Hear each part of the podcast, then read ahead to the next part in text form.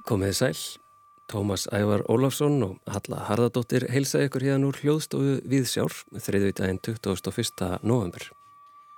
Það er kammerhópurinn Kaput sem að opnar þáttin í dag með tónverkinu Atonement en hópurinn mun koma fram á samt píjónuleikarunum Tinnu Þorstinsdóttur á tölvu og ráftónlistarháttíðinni Erkitíð sem fer fram núna um helgina í listasafni Reykjavíkur. Og það verður einmitt ný íslensk músík á Darskráð þáttar í dag, auk arkitektús og leikhús. Hljómplatan Inner Most úr smeðju gítarleikarans Mikaels Mána Ásmundssonar kom út um síðustu helgi. Þetta er þriðja breyðskifa hans en áður hefur hann gefið út plötunar Bobby og Nostalgia Machine. Inner Most er að vissuleiti röggrétt framhald þessara tvekja platna en fetar vissulega nýjar en kannski líka gamlar slóðir því umfjöllunarefni plötunar er æskan og áhrif tónlistar. Laun eru samin um táningsár Mikaels, hlutina sem mótuðu hann og gerðu það tímabill að mikilvægum stökk palli út í fullonisárin. Einnig fáum við pistilum arkitektur frá hildikunni Sverrisdóttur í þætti dagsins. Í dag mun hildikunnur skoða félagspolítist vald arkitekturs og skipulags Við sögu kemur breska þingið, varnarmúrar, aðskilnaðarmúrar og ósýnleimúrar. En við hefjum þáttinn í borgarleikusinu þar sem að heimildaleiksýningin Fúsi var frumsýnd um liðna helgi. Trausti Ólafsson tekur nú við. Fúsi, aldur og fyrir störf er verk sem frumsýnd var á förstu daginn á Littlasviði borgarleikusins. Þar er á ferðinni síningum mann að nafni Sigfús Sveinbjörn Svanbergsson og hlutverk listamannana er ekki það að skálda í eyður og snúa upp á veruleikan, heldur að gefa reynslu fúsa listrænan svip og tólka minningar hans á leiksviði. Frumsýningin á fúsa hófst í rauninu um leið og áhorvendur byrjuð að ganga í salin, fimm mínútum fyrir auglistan síningartíma. Personur og leikendur sátu á sviðinu og það var greinilegt að það lág frekar vel á þeim. Fljótt kom í ljós að fólkið á sviðinu kannadist við marga sem þarna komu sem áhorvendur og það var heilmikið veifað, brosað og heilsað. Það myndaðist fyrir strax náið samband millir sviðs og salar og það samband bara styrtist og elftist eftir því sem á síninguna leið. Hinn frægi fjörði veggur var þess vegna feldur áður en leikrítið hófst á sviðinu og skilin millir þess og salarins voru rofin áður en sjálft fjörið byrjaði. Það var líka ofinnulegt við þessa síningu að allmargir baksviðskarakterar í verkinu sátu í salnum í stað þess að húka einhver staðar í myrkrinu á bakvið sviðið. Attiklinni var aftur og aftur beint af þessum personum og sumir í tvöföldu hlutverki baksviðs karakters og áhorfanda tóku þegar áleið beinan þátt í síningunni með stöku tilsförum og aðtöðasemdum.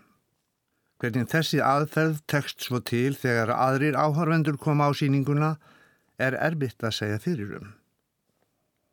Hitt er annað að fúsi er líklegur til að laða að sér fleiri kunningja og áhrifavalda sem verða nýjir baksviðs karakterar í næstu síningum og verkið alltaf nýtt og ferst í hvert skipti sem það verður sínt. Sem vonandi verður oft því að fúsi, aldur og fyrir störf er bæði stjæmtileg og svo lítið mann bætandi síning.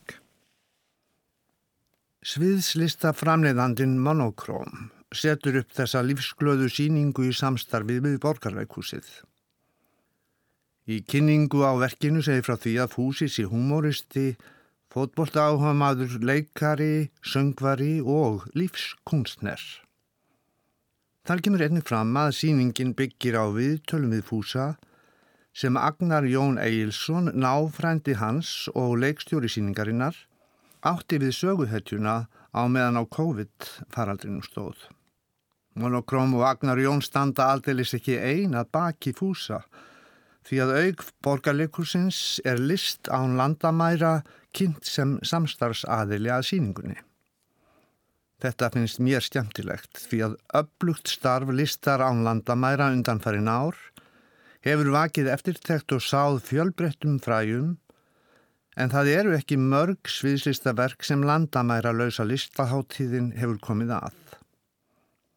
Að síningunni á fúsa er þess vegna margvíslegur fengur og landamærin millir skapandi handa og huga fólks af öllu tægi og atvinnusviðslistamannan robna á litla sviði borgarleikussins þegar við áhorvendur fáum að sjá fúsa njóta sín með faglærðum og þraut reyndum leikurum. Strax í kynningu á síningunni fúsa kemur fram að þeim sem að verkinu standa liggur tölvert á hjarta. Það er sagt að Fúsi sé fatlaður en hindranirnar í lífi hans hafi kvattan fremur en lat til þess að njóta hvers dags sem hann lifir. En það er Fúsi þar sáður vera lífskunstnir sem minnur okkur á að lífið er alltaf þess virðið að lifa því þó að stundum sverfi að. Trátt fyrir sára reynslu á köplum þá stöndur Fúsi uppi sem sigurvegari og þetta er síningin hans. Hann kemur fram sem hann sjálfur í síningunni og það gerir Agnar Jón einnig. Þeir tveir eru þess vegna bæði personuróleikendur og með því rofna enn ein hefðbundin landamæri. Fúsi og Agnar Jón eru ekkert að leika. Þeir eru bara þeir sjálfur að segja okkur frá atbyrðum og reynslu úr eigin lífi. Við fáum sem sagt ekki bara að vita sitt að hverju um Fúsa heldur líka um Agnar Jón leikstjóra og meðhöfund síningarinnar og áfrumsýningunni voru gestir sem ekki hafa síður verið áhrifamiklir karakterar í hans lífi en í lífi Fúsa. Sýningin á Fúsa aldrei hans og fyrir störfum er byggð þannig upp að þeir frendurnir spjalla svo litið saman og rifja upp atfik úr æfi Fúsa. Og áður en varir eru Haldóra Geirharsdóttir og Vala Kristín Eiríksdóttir farnar að leika það sem sagt er frá og kvikna atbyrðirnir þá ljós lifandi fyrir augum áhorvenda og fúsa sem staðfestir aftur og aftur að einmitt svona hafi þetta nú verið. Haldóra og Vala Kristín eru auðvitað engir byrjandur í fæinu en það var samt ótrúlega áhrifamikið að sjá og heyra hversu vel þær unnu saman og gætu síninguna leiftrandi lífi með kunnáttu sinni og færni. Það má ekki heldur glema því að Fúsi sjálfur er langt frá því að vera reynslulegs leikari, þvert á móti. Hann hefur starfað sem leikari með leikóknum Perlunni í heil 40 ár og meðal annars leikið í Kvítahúsinu í Washington. Fyndi maðurinn á sviðinu er svo Egil Andrason sem spilar mjög skemmtilega á hljómborð og syngur bæði einn og með öðrum upp á halslauginans Fúsa. Fúsi hefur mjög ákveðin tónlistarsmekk og það er einn flöturinn á personleika hans sem við áhorfendur fáum að kynast. Fúsi syngur líka sjálfur í síningunni eins og þau gera Haldóra, Vala Kristín og Agnar Jón og þegar leiða lokum frimsýningarinnar tóku áhorfendur undir söngin. Ég ætla ekki að kæfta frá því í hvaða lægi áhórvendur sungum með en mig grunar að það sé einmitt á slíkum stundum sem sálirnar verða hljóma haf. Fúsi, aldur og fyrir störf á það sæmiðinlegt með piparfólkinu sem ég talaði um hér fyrir viku síðan að tæknin er í algjöru aukalhutverki þessum tveimur heimilda leiksýningum. Auðvitað er þarna lýsing því að án hennar sæna ekki neitt og stökum myndir af fúsa og hans fólki byrtast á veggjunum. En þetta er allt svo hóflega og smeklega gert að tæknin færðu okkur áhörfundur ekki fjær fúsa og hans lífi heldur bara bætti við öllum upplýsingum og krytti sem gerðu síninguna enn ljúvari enn ella. Svankvít Thea Árnardóttir hannar leikmynd og búninga í fúsa. Mér fannst leikmyndin falleg og virka vel. Þarna áttu allir leikarar og flytjandur sinn fasta stað að leita til milli atriða og blómahafið sem byrtist rétt fyrir hlýðið var litskrúðugt, áhrifaríkt og viðegandi. Það sama má segja um búningarna sem voru í jarðlitum þar sem ég síndist græniliturinn vera hefði leiðandi stef.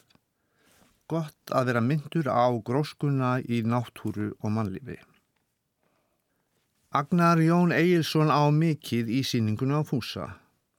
Hann er höfundur hennar á samt Sigfúsi frenda sínum en líka leikstjóri hennar og stjórnandi atbyrðarásarinnir á sviðinu. Sú aðferð við að setja saman sviðsverk sem þarna er beitt er langt frá því að vera áhættu laus. Hvena sem er gæti síningin tekið allt aðra stefnu en fyrirhugað var við að skapandi fólki getur allt í einu leið svo mikið á hjarta að allt annað gleimist. Agnar Jón leysir það hlutverk af hendið að leiða síninguna í réttum farvegi og fram til sigust þeirra fúsa af stakri ljúmennsku, miklu öryggi og þamennsku. Áhorfendur á frumsýningunni voru heitlaðir af því sem framfór á sviðinu. Það var mikið leið, ákaft klappað og eins og ég sagði áðan tekið undir söngin. Og í blá lók viðburðar stigu tveir af baksiðs karakterónum úr salnum á svið. Þetta voru fórseti líðveldisins Guðni T. H. Johannesson sem kom þarna til að heyra fúsa og auðvitað eiga fúsi og fórsetin einhverja saminlega fortíð. Hinn baksiðs karakterinn var Brynhildur Guðjónsdóttir, leikustjóri borgarleikursins sem hýsir og styrkir síninguna. Fyrir það eiga hún og borgarleikursið skilir hrós fyrir að ekki opnuðust vist margir sjóðir upp á gátt til þess að fjármagna þetta tiltæki þeirra frændarna, Fúsa og Agnarsjóns.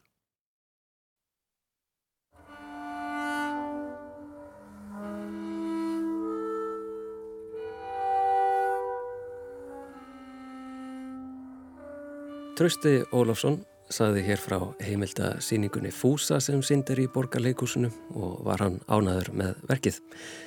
Hér undir leikur skandinaviska strengjasveitin Lemur, lægið Balata en hún kemur einnig fram á hátíðinni Erkitíð í listasafni Reykjavíkur um helgina.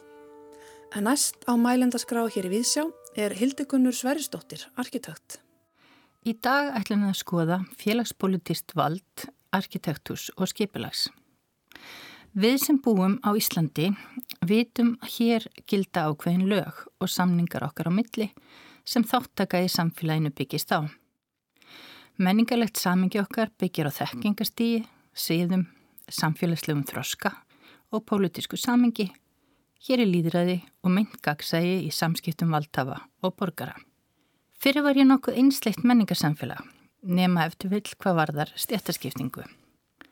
Sum tilheyra menningarhópi sem mann eina útvarstöð, ekkert sjónvarp á fymtudögum og í júli. Þau muna kannski fyrsta skiptið sem þau sáu ferski jarðaber sem áður höfðu flotið sósuð í dósum. Muna tíma þegar stjórnmálaflokkar gáf út sín flokksblöð og lístu samtímanum grímulaust frá sínu sjónarhörni frekarinn myndu hlutleysi. Í dag fer fólk sína fréttir og menningu á fjölbreytilegri hátt og eru þar með þáttakendur í fjölþjóðlegum menningarheimum.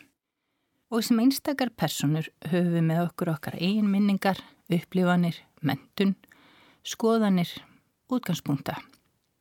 Þessi mælitæki berum við með okkur og skiljum umhverju okkar út frá þeim. Samskipti og samfélagslega samninga má skoða sem byggingar.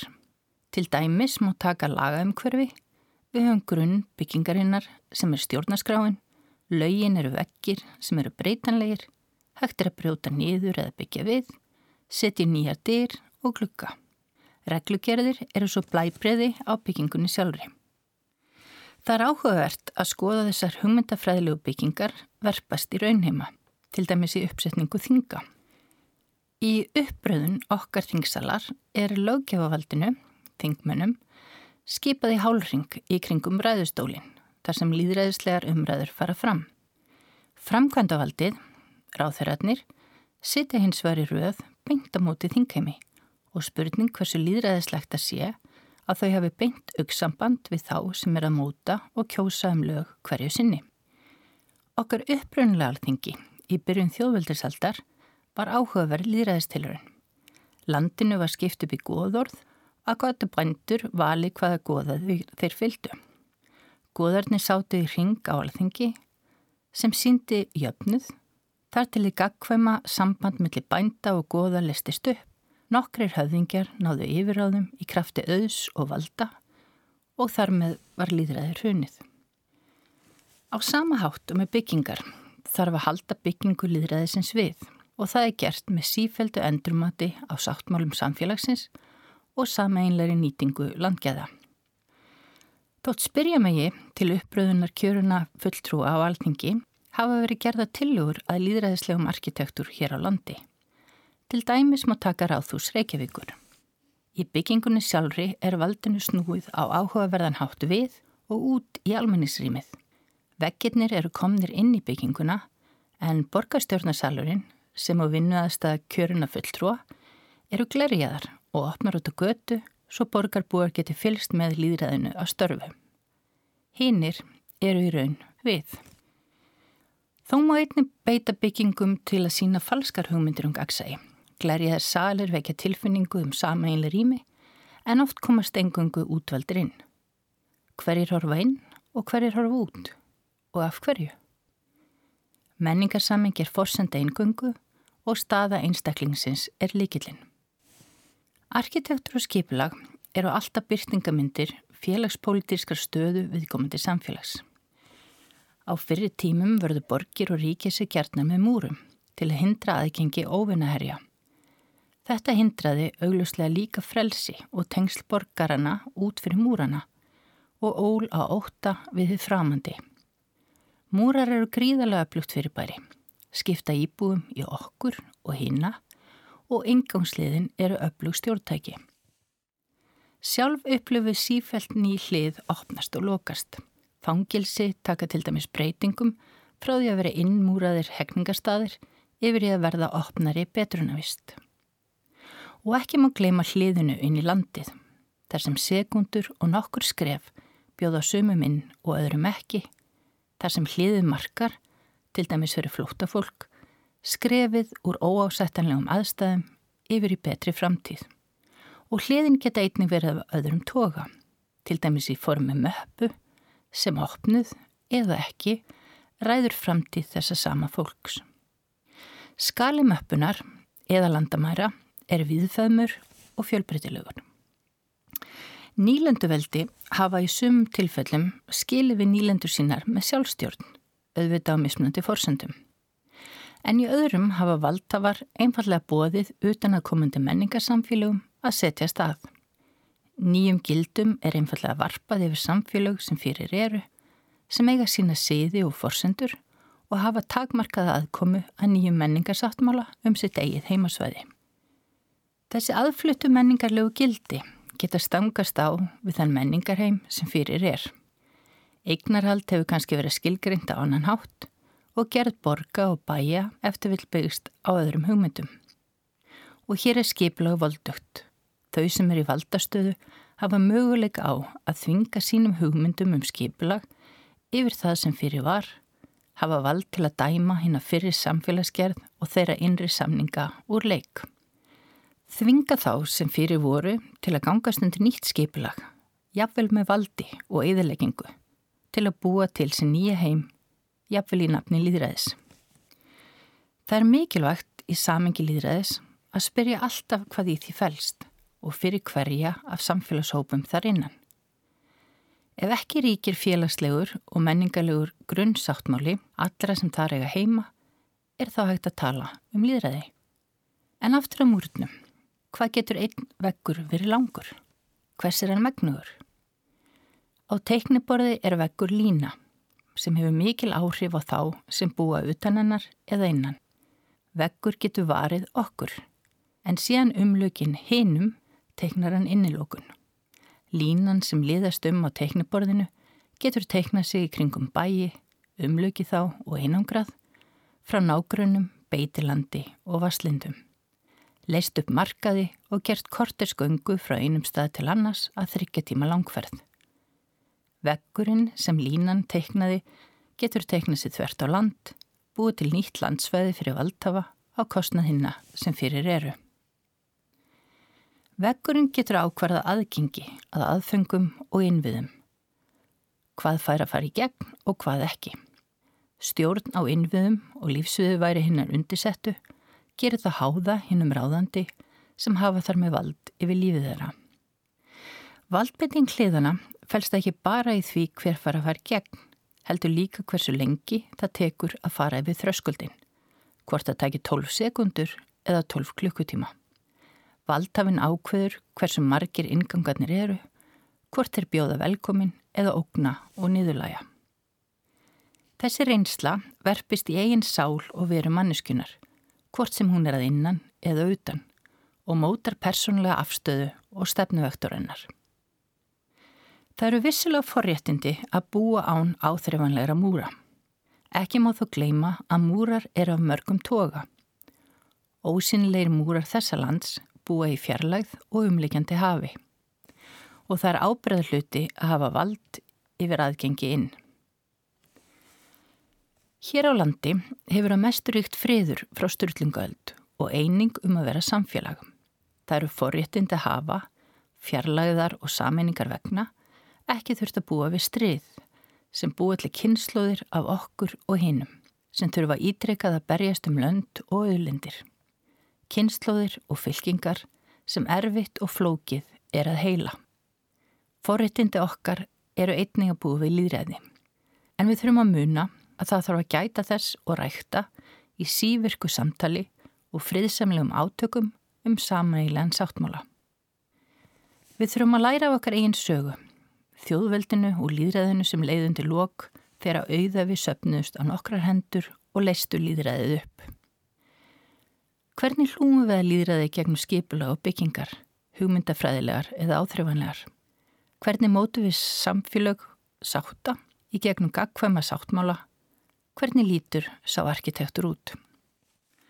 Ákvörðat núna er tími til að endurskoða tengsl og vensl og í sumum tilfellum endur hanna já eða grunnhanna, sáttmála okkar og hinna, hér og þar, hanna skipulag fyrir jafnbræði og frið.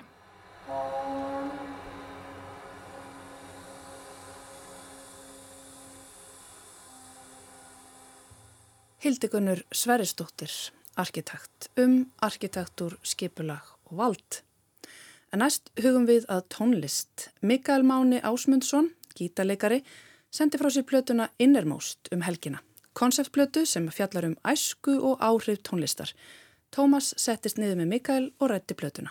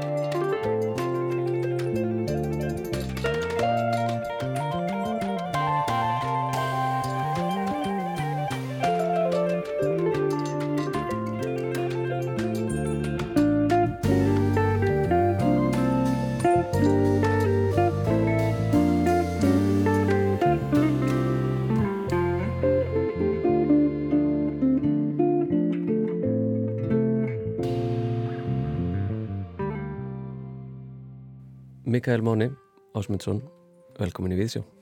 Takk. Og við heyrum hér brot af læginu The Raccoon and the Dog sem er opnunarlag á nýju blötunniðinni, Innermost. Þetta er svona lægi kannski sem setur tónin fyrir það sem á eftir kemur og opnar líka kannski á megin þema þessar blötu því hún er ju konceptplata. Ertu kannski til í að segja mér fyrst bara hvernig þessi hugmynda heilt kveiknar? Já, platan fjallar um það að líta aftur á táningsárið mín og aðeins á æskuna mína. Og fara doldið aftur í tíman og aðtöga út frá tónlist og tónlistinni sem ég var að hlusta á á þeim tíma. Og kannski rannsaka einhverja parta af sjálfu mér sem ég hef kannski mist tengingu við. Og að reyna að læra á leðinni hvaða partar er eitthvað sem ég hef týnt og vill að sé enn partur af mér og hvað er eitthvað sem ég bara þróskast upp úr mm -hmm. og The Raccoon and the Dog er lag sem er klárlega um æskuna og er lag sem ég samtið um mig og sýstu mína Lilju Maríu sem spilar einmitt á plötinni og þetta er svona setur tónin eins og þú segir og því að þetta er mjög jákvægt lag og svona mjög mikil barnsleg gleði mm.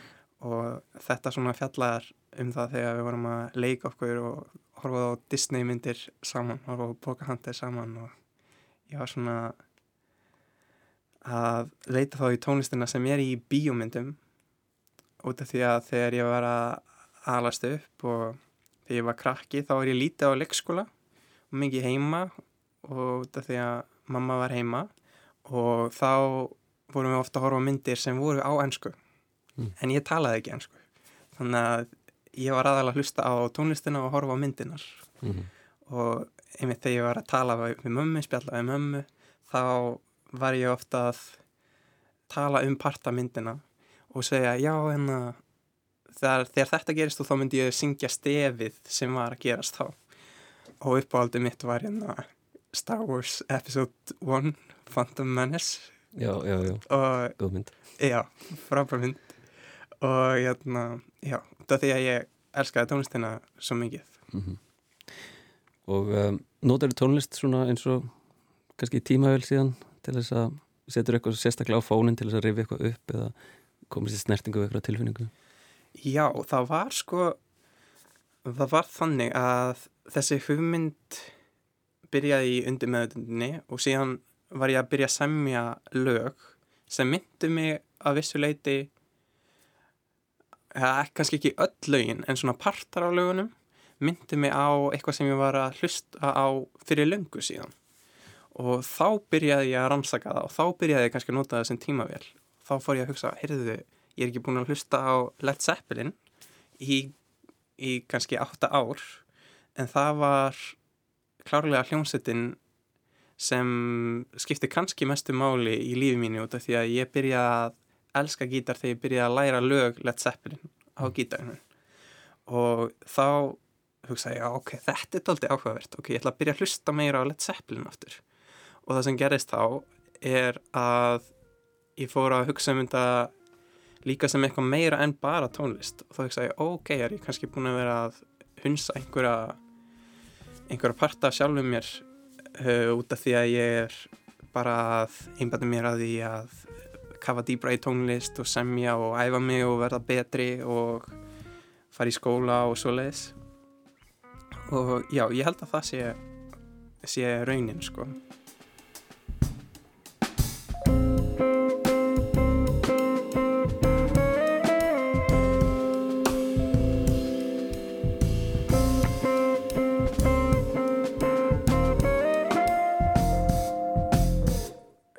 lögin sem ég flustað mest á um, eru oft með marg, margþættar tengingar og eitt upp á slæði mitt og lægi sem er með besta gítarsólu allar tíma finnst mér er lægið Little Wing með Jimi Hendrix.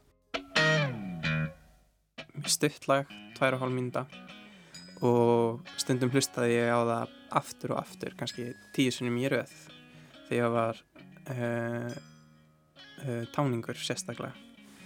Og það eru margar minningar tengdar við lægið en kannski sterkasta minningin er þegar ég er að keira frá Keflavík til Reykjavíkur. Ég var ekki að keira, mamma var að keira bílinn. Ég var, ég var bara 16 15-16 og vorum að heimsækja ömmu mína og afa. Við vorum að keira í bílinnum og ég er að hlusta á lægið aftur og aftur. Ég man ekki hvað verið að gangi gegnum þá á táningsárunum. En ég man eftir því þetta var fyrsta skipti sem ég uh, fór bara hágráta yfir tónlist. Það var bara fyrsta skiptið þá og hérna hefur gerst ekkert allt of oft sko. Mm.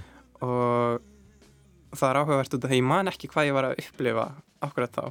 En ég man eftir að þegar ég var að hlusta á Little Wing aftur og aftur þá gerðist þetta og þegar ég hlusta á lægið í dag þá hugsa ég oft um, um þetta augnablík mm -hmm. í bílinum It's alright, she said, it's alright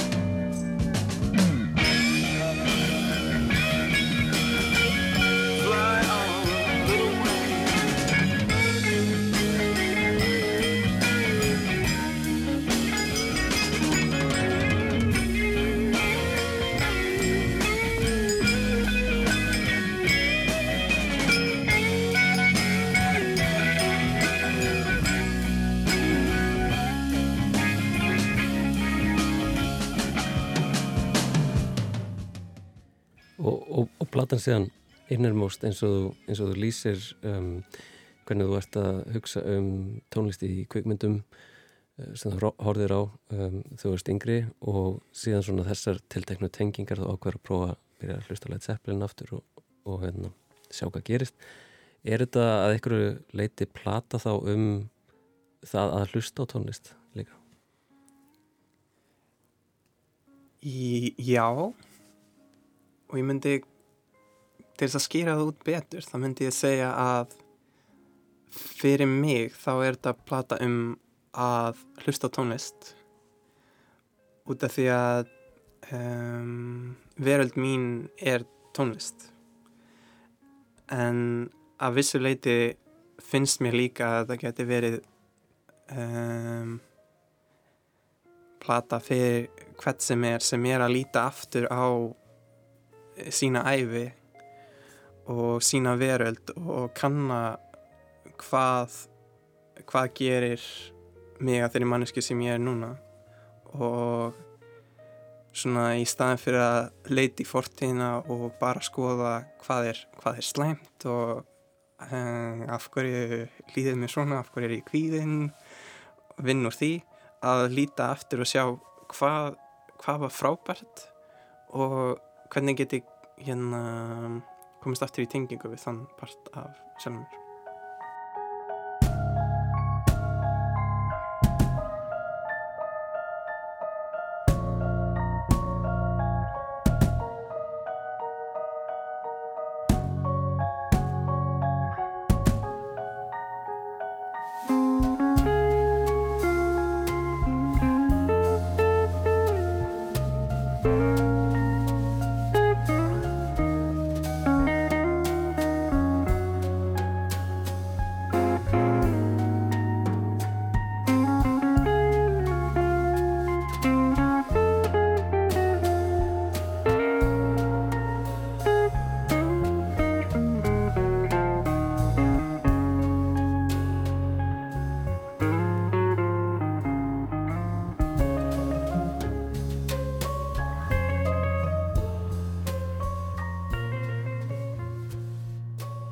Hér heyrum við titillag Plutunar Innermost eftir uh, Mikael Mána Ásmundsson. Og um, það var annar lag sem kom hérna til okkar sem svona smáskífa þessar Plutu og heitir Buzz Song. Og uh, fannst mér ansið skemmtilegt myndband líka sem því fylgdi það sem þú vart að spila með, með hljómsveit inn í strætó. Uh, hvernig, hvernig verður það til? Já það, ég verður líka að segja að það er eitt skemmtilegast að vittar sem ég hef komið í þegar ég fekk að koma til þín í tengivagnin og tala um stræt og ferðina mínar. Einmitt, það spilaði svo stóran þátt í að mynda mig sem tónlistamann mm -hmm.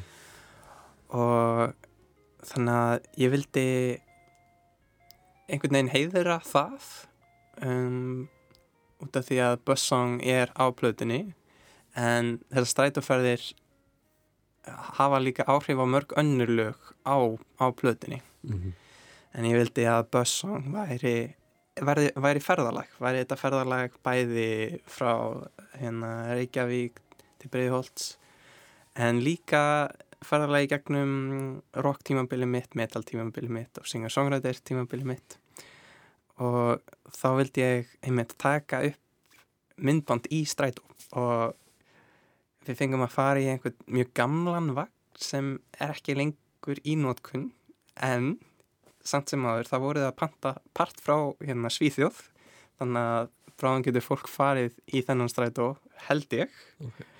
en já, mér varst einhvern veginn skemmtilegt að heðra þessa minningu og, og spila með bandinu mínu í strætó og síðan fannst mér það líka bara svo gaman eða svona skemmtileg í þannig tilhugsunum sem var eiginlega bara enda skemmtilegra að að taka upp myndbandið Við skulum nýta tæknina og, og rifja aðeins upp uh, brotur þessu viðtalið sem þú ert að lýsa stræt og leiðinni sem að þú fórst svo mjög oft sem uh, ólingur.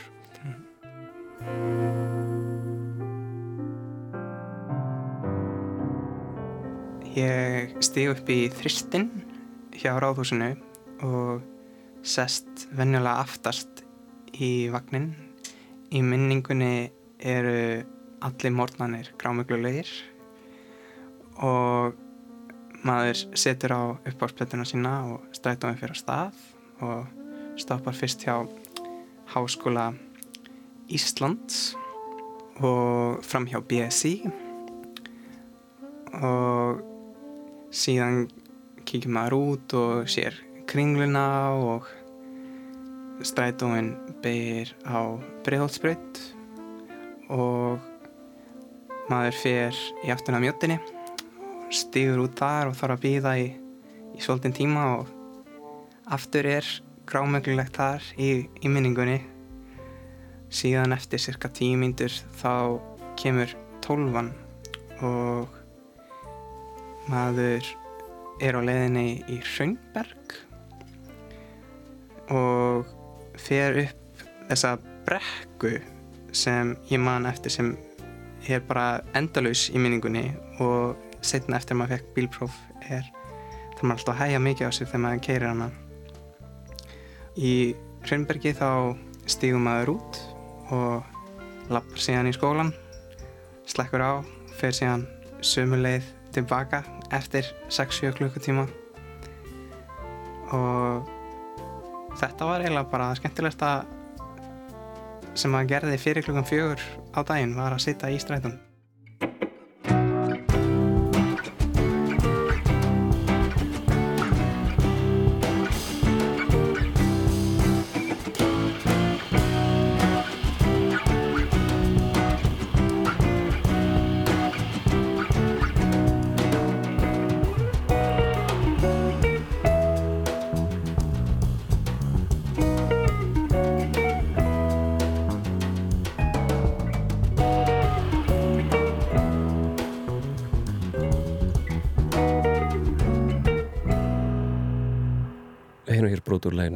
Song af blötunni Innermost eh, þetta er plata sem að gefur svolítið rými fyrir spuna. Og kannski að ég spyrja bara stóru spurningar eh, Hva, hvað er spuni fyrir þér? Já, það er þannig að það breytist eftir tímabilum hjá mér hvað mér finnst það að vera. Akkurat núna og líka þessari plötu þá finnst mér það vera ákveðin tólkun í fyrsta lagi og leið til þess að tólka lög. Og það sem ég meina með því er að ef fólk hugsaður um spuna þá er það kannski að hugsa um eitthvað sem hefur aldrei verið spilað áður. En ég get líka séð að ef þú ert að spila laglinu sem er ákveðin fyrirfram þá getur þú spilað hana á ákveðin hátt að þú spilar hana nákvæmlega eins og hún er skrifið eða þú ákveður hvernig þú ætlar að tólka hana fyrirfram og ferði í stúdióið eða tónleikana og spila hana þannig.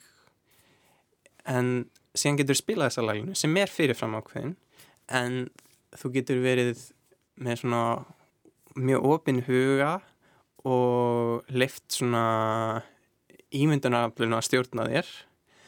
Og þú ert búin að undirbúa þig fyrirfram þannig að þú getur venjulega hlýtt ímyndunaraflinu þínu vonandi en svona oftast fyrir mig og ég held flesta að þá nærmaður aldrei að fylgja ímyndunaraflinu 100% mm. og þá uh, verður oft eitthvað nýtt til út af því að þú þarfst að retta þér. En það það er ekki slæmur hlutur. Það verður oft til eitthvað mjög flott úr því og það hljómar ekkert eins og mistök og það er ekki endilega mistök að þú ert með reynslu í að uh, retta þér. En þá verður oft til eitthvað nýtt. Uh, þetta er eintöfundspuna en síðan eru líka til kannski svona spunapartar og þá eru í tónsmíðanum þá eru skildir eftir partar það sem það er engin skrifuð laglína það er bara uh, undirleikur.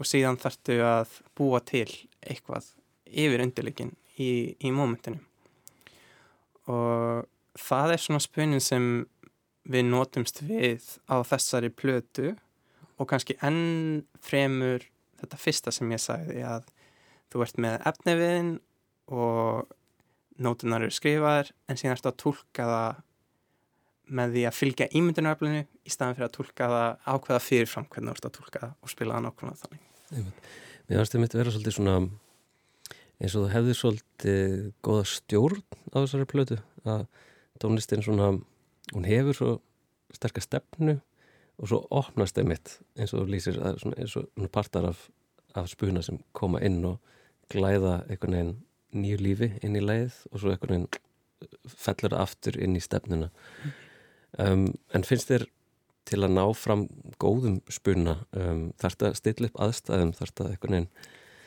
Já. líða vel Já, það er góð spurning sko og það sem þú sagði fyrst hérna, það er akkurat það sem ég var að reyna að ná fram með blöðunni svona skýrri stefni og það væri einhvers svona tilfinningulega áhrif sem ég tengdi við hvert lag sem ég vildi ná stert fram og þá þartu ákveðna, ákveðna stjórn sko mm.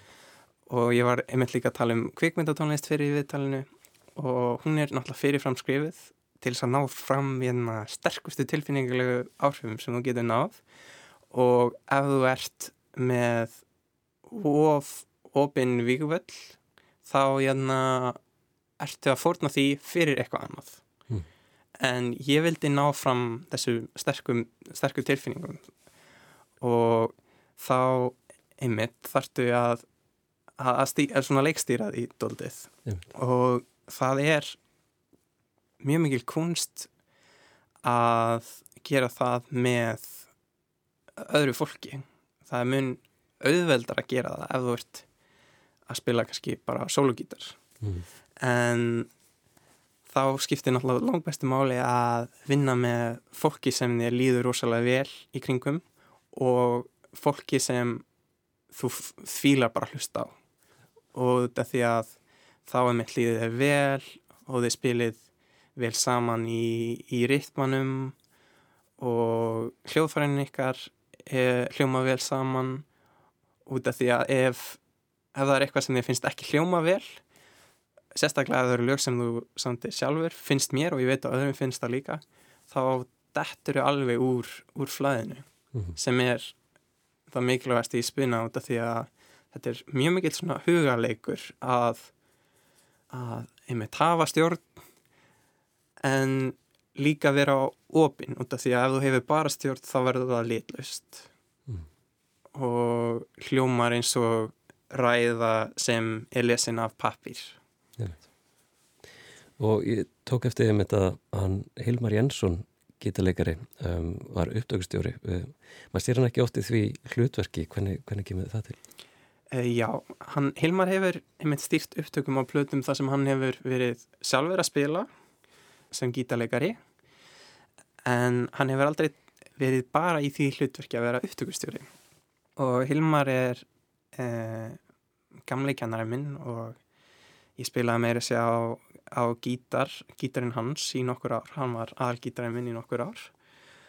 Og gam, gammal Yamaha gítar frá 8. áratunum og ég var að hugsa mikið um blötina og dreymið um plötuna og Hilmar er í stúdíunu og hann er upptökustjóri. Og ég vakna og ég hugsa vá þetta er ótrúlega fyndin draum hérna, því ég hef aldrei séð Hilmar í upptökustjóra hlutverki mm. og síðan hérna segja einhverju fólki frá þessu svona og allir eru já þetta er aldrei skemmtilegt eitthvað. Og síðan svona eru allir á því það er kannski bara ekki svo vittlið hugmynd. Og þá svona ákveði ég bara heyra í Hilmari út því að mér finnst það einmitt bara skemmtilegt mm. og skemmtilegt tilöksun og einmitt mannskja sem ég líður vel í kringum sem getur ekki verið slæmt um, og já, hann var bara til í slægin og Og, og, og hvernig stýrir hann? Uh, já, hann var ekkit alltaf afskiptasamur sem er, er gott og var definitely það sem þurfti í þessar upptökur mm. út af því að fólkið í, í bandinu það er líka að stýra upptökunum í rauninni út af því að partanir er ekki útskrifaðir nótu fyrir nótu heldur er fólk svona að koma með sinn persónuleika. Og þá er svona Hilmar sá sem er með alltaf yfirsýn yfir það. Og þegar það voru partar í lögunum og í form, formum lagana sem voru ekki að skína þá var, svona, var hann ofta að pikka það út og þá vorum við annarkvæmt að taka þá bara að henda þeim mm. eða að gera eitthvað við þá svo þeir væru uh, sérstakari og hefði tilgang mm. í sögurþræðinum í læginu en líka út af því að hann er frábær gítarleikur og hefur rosalega mikla reynsli í því þá var hann stundum líka bara að hjálpa mig með einhverju svona gítarspecifik hluti mm -hmm. Já, ég var að segja fyrir mitt leiti alltaf að, að tónin, gítartónin á þessar plötu er alveg mjög einhvern veginn púsaður og flottur. Og það er mjög skemmtilegt að hafa heyrt fyrir plötur þínar og geta svona bórið aðeins saman. Uh, mér fannst það einhvern veginn koma einhvern veginn sérstaklega fram með að svona skera sig alveg úr á þessari plötu. Hvernig, hvernig er þetta nálgast uh, tóninin? Uh, já og fyrst að segja það þá ætla ég líka að kredita hérna Albert Finnbársson sem hérna miksaði plötuna og hann er líka, það var frábært að hafa hann í stúdíun hann er líka gítarleikar og eitt hellingum gítar.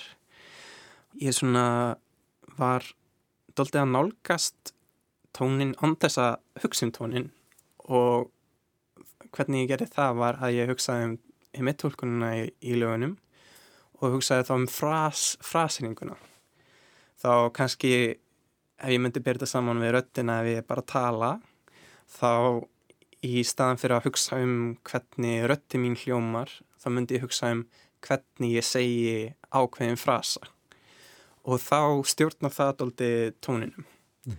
og ég vildi svona hafa ólíkan tón fyrir hvert lag en samt ná rauðum, rauðum þræði í gegn mm. Ég held að uh, við höfum það ekki mikið lengra sinni þetta er uh, stór skemmtilega platta uh, hvaða, hvaða lag myndur þú svona velja til þess að fara úr þessu viðtalið með? Við skulum spila bara kannski gaurarlegasta lægið á flötunni Time Together. Time Together. Mikael Máni Ásmundsson, takk ég lega fyrir spilið Takk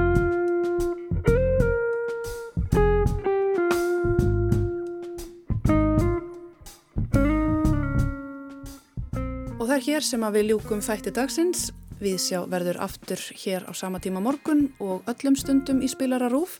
Takk fyrir að hlusta og verið sæl.